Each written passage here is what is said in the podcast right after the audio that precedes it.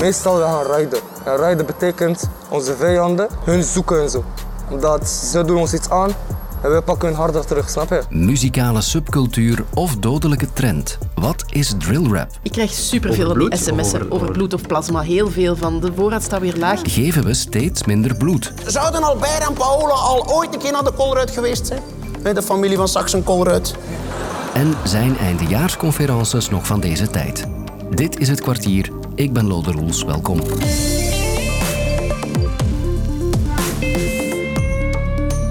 We beginnen deze podcast met een verhaal van gisteren. Het dramatische incident in Berchem, waarbij een jongen van 16 is overleden nadat hij werd neergestoken. Intussen zijn er twee verdachten opgepakt, twee jongens uit Aalst, en zou er mogelijk sprake zijn van een afrekening in het drillrap-milieu. En als je nu denkt, waarover gaat dit? Dan begrijp ik dat volledig, want dat was ook mijn reactie. In de zoektocht naar wat meer uitleg kwam ik eerst terecht bij de jongeren zelf die in zo'n drillrap-bende zitten. Collega Yassine Attari kon een paar jaar geleden met enkele van hen spreken. Wij zijn gewoon één grote familie die voor elkaar opkomen. Als eentje in de problemen zit, en wel heel de groep is daar, snap je? Mensen noemen ons gewoon drillrap of drillers of wat dan ook, snap je? Maar wat zijn jullie activiteiten? Wat doen jullie? Meestal we gaan rijden. En rijden betekent onze vijanden hun zoeken en zo. Omdat zij, zij doen ons iets aan en wij pakken hun harder terug, snap je? Over wat voor problemen spreken we dan? Wat dat, weet een paar andere groep, drillgroepen, en wat dat, ze willen stoer doen. Ze bedreigen onze zusjes, ze bedreigen onze moeders. Wat ze willen biggie doen, dan, dan heb je een grote big probleem, snap je? Elk van ons heeft dingen meegemaakt. Ik ben bijvoorbeeld Tsjetsjen. En ik heb oorlog meegemaakt. Ik heb mannen zien doodgaan toch. Ik heb mannen zien onthoofden en zo. Voor mij dat is normaal. Ik kom naar deze land, mannen willen me testen. En wat ik ga reageren. Heb je een machete al moeten gebruiken? Zeker. Op iemand echt of... eh, En waarom? Als ze het niet begrijpen, broer, dan is deze de enigste oplossing, broer. Zo leggen ze het dus zelf uit, maar veel meer weet ik nog altijd niet.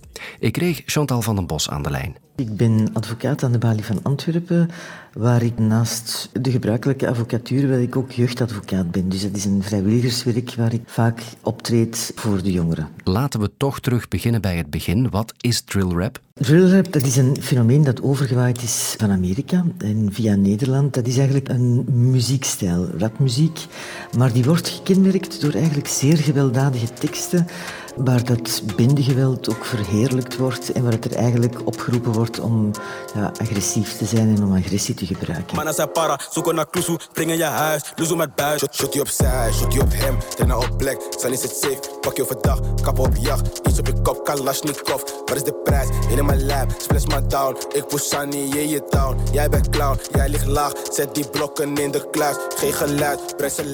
Het probleem was natuurlijk, als er verschillende gangs tegenover elkaar staan, dan dagen ze elkaar eigenlijk uit. Dus ze maken filmpjes van hun daden of hetgeen dat ze gedaan hebben. Ze posten dat, de andere wil daar nog eens een keer boven gaan. Of ze gaan hun eigen territorium afbakenen, ze gaan andere gangleden aanvallen. Maar ook naar derden. Hè. Ze, ze roepen ook op om overvallen te plegen, om geweld te plegen, ook via sociale media. Dus het is eigenlijk wel iets breder dan alleen maar een gangoorlog, laten we het zo zeggen. Wie zijn de jongeren in die drillrap-bendes? Wat is hun profiel? Ik kan niet in het algemeen spreken, ik kan alleen spreken met jongeren die ik onder mijn hoede heb. Dan zie ik wel jongeren waar het er vaak een vaderfiguur ontbreekt, of waar dat die toch wel sociaal wat kwetsbaar zijn, soms een moeilijke schoolloopbaan. Dus die eigenlijk zich zo wat buitengesloten voelen en dan zich gaan verenigen en dan eigenlijk ja, in de negatieve spiraal terechtkomen. Maar dat groepsgevoel is voor hen zo belangrijk. Als ik bijvoorbeeld één op één met hen praat. hè, Want alle jongeren worden apart verhoord, moeten apart bij de jeugdrechter. En als je dan een gesprek aangaat met die jongeren, die geven een heel ander profiel en gedragen zich ook totaal anders als ze één op één een gesprek hebben. Dat zijn totaal andere gasten, dus dat maakt ook zo'n belangrijk effect uit van heel het gegeven dat die groepsdruk er is, die tussen haakjes samenhorigheid en dan naar het negatieve toe. Wat is het puntensysteem waarmee ze werken? Er zijn bepaalde tussen haakjes prestaties die men levert en elke prestatie heeft een bepaalde quotering. Bijvoorbeeld het dissen van iemand. In de straattaal wil dat eigenlijk zeggen iemand een prikken, dus iemand neersteken, verwonden. Dat staat bijvoorbeeld heel hoog.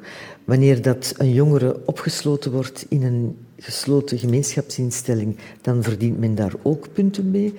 Als men bijvoorbeeld een uh, lid van een andere gang kan isoleren, die bijvoorbeeld kan dwingen om kleren uit te doen en om daar foto's van te nemen of filmpjes en dat op sociale media te zetten, dat levert ook punten op. En je kan ook negatieve punten krijgen, dat is wanneer dat je gevat wordt door de politie. Dat is eigenlijk onvoorstelbaar. Het is precies alsof we in een videogame zitten waar dat er inderdaad bepaalde punten kunnen verdiend worden.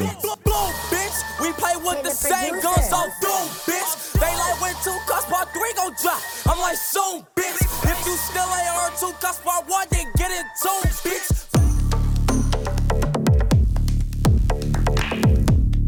Heeft u al eens ooit bloed gegeven? Nee. Waarom niet? Ik heb er niet te veel. Tegen bloed kan dat niet tegen. U heeft er angst van? Ja. Ook in de jaren 80 had iedereen wel een reden om wel of niet bloed te geven. Bloed afstaan om een ander te helpen blijft ook vandaag nodig. Zeker nu, want de kerstperiode is traditioneel een moment waarop de voorraden in de ziekenhuizen snel slinken. Mensen aansporen blijft dus nodig. Met spotjes op radio of tv. Een ongeluk is snel gebeurd. Bloed geven ook. Check vandaag nog waar je kan geven op rodekruis.be slash ongeluk. Of andere creatieve manieren. Een transfusiecentrum Annex Bloedcafé moet de drempel verlagen voor jongeren. Wie zich een herselt liet verleiden, kreeg na afloop alvast een Bloody Ronnie om de schrik te verdrinken. Bloed geven. Doen we dat eigenlijk nog? Ik heb de vraag gesteld aan zowat elke VRT-collega die vandaag langs de redactie van het kwartier kwam. Uh, nooit bij nagedacht eigenlijk om dat te doen. Vroeger gebeurde dat hier op de VRT, maar toen werkte ik hier nog niet. Ik kan er geen goede reden voor geven eigenlijk. Het is nu wel lang geleden, maar ik, ben, ik heb al wel een paar keer bloed gegeven. Ik ben vooral begonnen als student, omdat dat bij de universiteit zo georganiseerd werd. En dat viel keigoed mee. Dus sindsdien probeer ik dat te doen. Maar ik moet nog eens een afspraak maken. Ik zou wel bloed willen geven, maar ik mag niet, want ik heb een relatie met een man. En wij hebben seks. Dus ja, je mag dat niet, hè. Maar het zou aangepast worden, maar dat weet ik. Ja, als student had ik al eens bloed gegeven, omdat het Rode Kruis dan tot aan de campus zelf kwam. Maar daar bleef het eigenlijk bij. Totdat ik een paar jaar geleden getuige was van een verkeersongeval. Waarbij een wielrenner werd aangereden door een, een auto en zo werd meegesleept. En daar heb ik eigenlijk gezien dat hoe snel iemand heel veel bloed kan verliezen. Want ik heb die man zijn wondes proberen afbinden. En toen heb ik eigenlijk beseft dat je door gewoon een kwartier bloed te kunnen geven, een kwartier, dat is gewoon wat dat deze podcast duurt, dat je gewoon wel een mensenleven kunt redden. Geven we steeds minder bloed of blijft het aantal donoren op peil? Hallo, hallo. Dag, Lobe. Joachim de Man is woordvoerder van het Rode Kruis Vlaanderen. Als ik kijk naar de cijfers sinds de jaren 80, dan hebben wij decennia lang meer en meer donoren gehad. Ehm, en zo'n twintig jaar geleden, rond de eeuwwisseling, is dat dan gestagneerd om daarna, dus de voorbije tien jaar, zelfs lichtjes te dalen. Nu, zo simpel mag je dat dus niet bekijken, want ook de hoeveelheid bloed die ons land nodig heeft, die, die onze ziekenhuizen nodig hebben eigenlijk, dat verandert. Die lichte daling in donaties van de voorbije jaren is voor een stuk althans ook uh, gedaald omdat de vraag vanuit de ziekenhuizen gedaald is door ja, medische technieken die verder ontwikkelen, uh, de wetenschap die vooruit gaat, waardoor we ons bloed ook preciezer en efficiënter inzetten in die behandelingen. Is er een tekort nu of soms? Er is momenteel inderdaad een, een groot tekort zelfs, um, specifiek voor de negatieve bloedgroepen. Je hebt dus A-negatief, B-negatief, AB-negatief en O-negatief, die vier negatieve bloedgroepen, waarbij dat de bloedvoorraad momenteel echt op een kritiekniveau staat zelfs. Um, en vooral voor die laatste O-negatief is dat een extra groot probleem, omdat dat de belangrijkste bloedgroep is. Want bloed van een donor met bloedgroep O-negatief kan aan elke patiënt gegeven worden. Het is dus als het ware een soort van joker van de bloedgroepen, zeg maar. Zijn er cijfers over het aantal bloeddonoren? Hoeveel procent van de bevolking regelmatig bloed geeft? Het blijkt dat maar 3% van de Vlamingen bloed geeft. Uh, dat is eigenlijk heel weinig. Vooral omdat veel meer Vlamingen op een bepaald punt zelf bloed nodig hebben als patiënt. Heeft corona invloed gehad op het aantal bloeddonaties? Corona was een beetje een, een, bizarre periode op dat vlak. Enerzijds was bloed geven een van de weinige zaken die je wel nog mocht doen tijdens de lockdowns, eh, omdat het uiteraard een essentiële dienst is ja, die we niet zomaar konden stopzetten.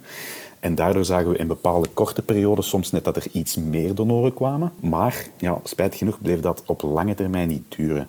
Dus in 2020 hebben we in totaal wel minder bloeddonaties gehad dan in 2019.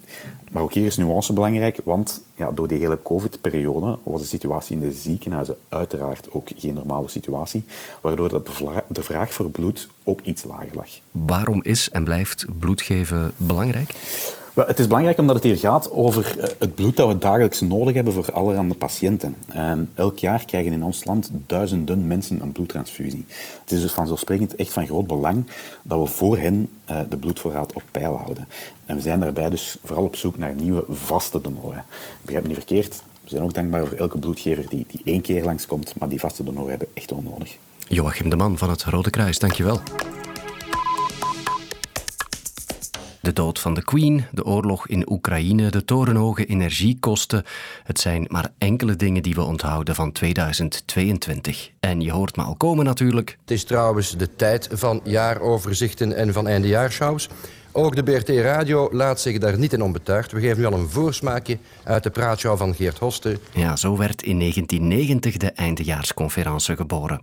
Het jaar gefileerd door een comedian. Het is of was een echte eindejaarstraditie. Maar ik vond, ik vond, ik vond wel mooie beelden. Dus koning, koning Albert die zat naast Celie de Haan en daarnaast zat Elio Di Rupo. Ja, Jean-Luc weet ook met wie dat hij zijn vrouw kan op pad sturen. Een stem die eigenlijk geen introductie meer nodig heeft. Geert Hoste. Er was niks in Vlaanderen. Nee, in Vlaanderen was er, je moet je voorstellen, er was geen politiek cabaret. Uh, zoals men dat kende in Nederland met Wim Kam. En dat was altijd een van mijn dromen om dat te doen. Het is natuurlijk niet meer zo dat het een alles overheersend uh, uh, programma is. Hè, want ik zat soms met marktaandelen van, van een stuk in de 60 procent in, in, Vlaanderen, dus dat was, dat was gigantisch. De kaap van 60 procent halen we waarschijnlijk niet meer, want de hype lijkt toch wel wat gaan liggen. Horen de conferences nog bij nieuwjaar of zijn ze niet meer van deze tijd? Je hoort ook Bert Kruismans en Jade Mintjes. Ik vind wel dat het land er meer dan ooit nood aan heeft op dit moment. Want uh, het, het, begint overal te kriebelen en te jeuken als ik de kranten lees of naar, naar het nieuws uh, kijk of luister.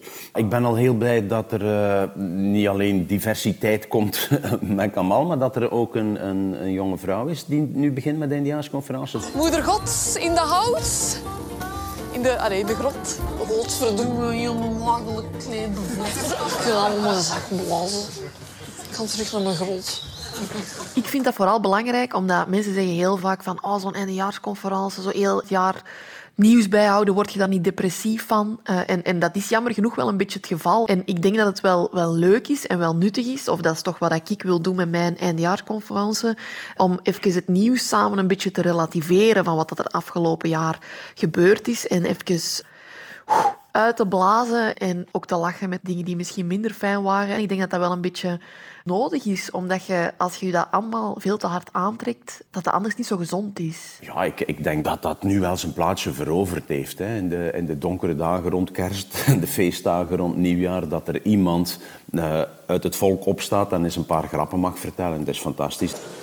Ja, maar ik, ik, vraag me dat af. Als, als, als, als Albert en Paola naar de kolruit gaan, moet de politie dan mee om die gangen af te zetten? Zie, ik zie ze al toekomen bij, bij de koelruimte daar, de frigoruimte van de kolen. Waar, dat die plastic klapper hangt. Mensen halen hun informatie overal en die is zeer versplinterd.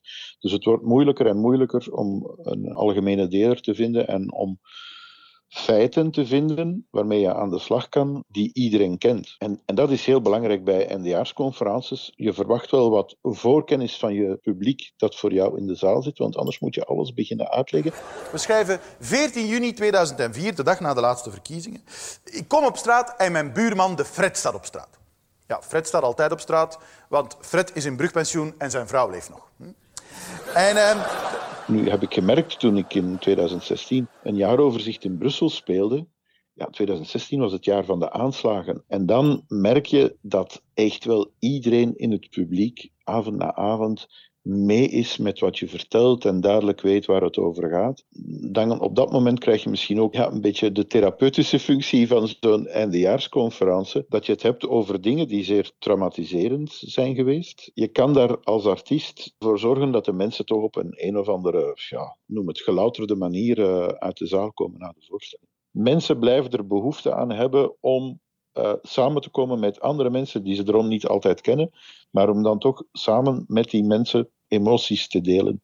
in die categorie zit, zitten gewoon die eindejaarsconferenties. En morgen neemt Sophie over voor de vrijdagse editie van Het Kwartier. Tot later. Luister ook naar Planeet Frank, waarin weerman Frank de Bozere een antwoord geeft op al jouw vragen over het klimaat. Nu in de app van VRT Max.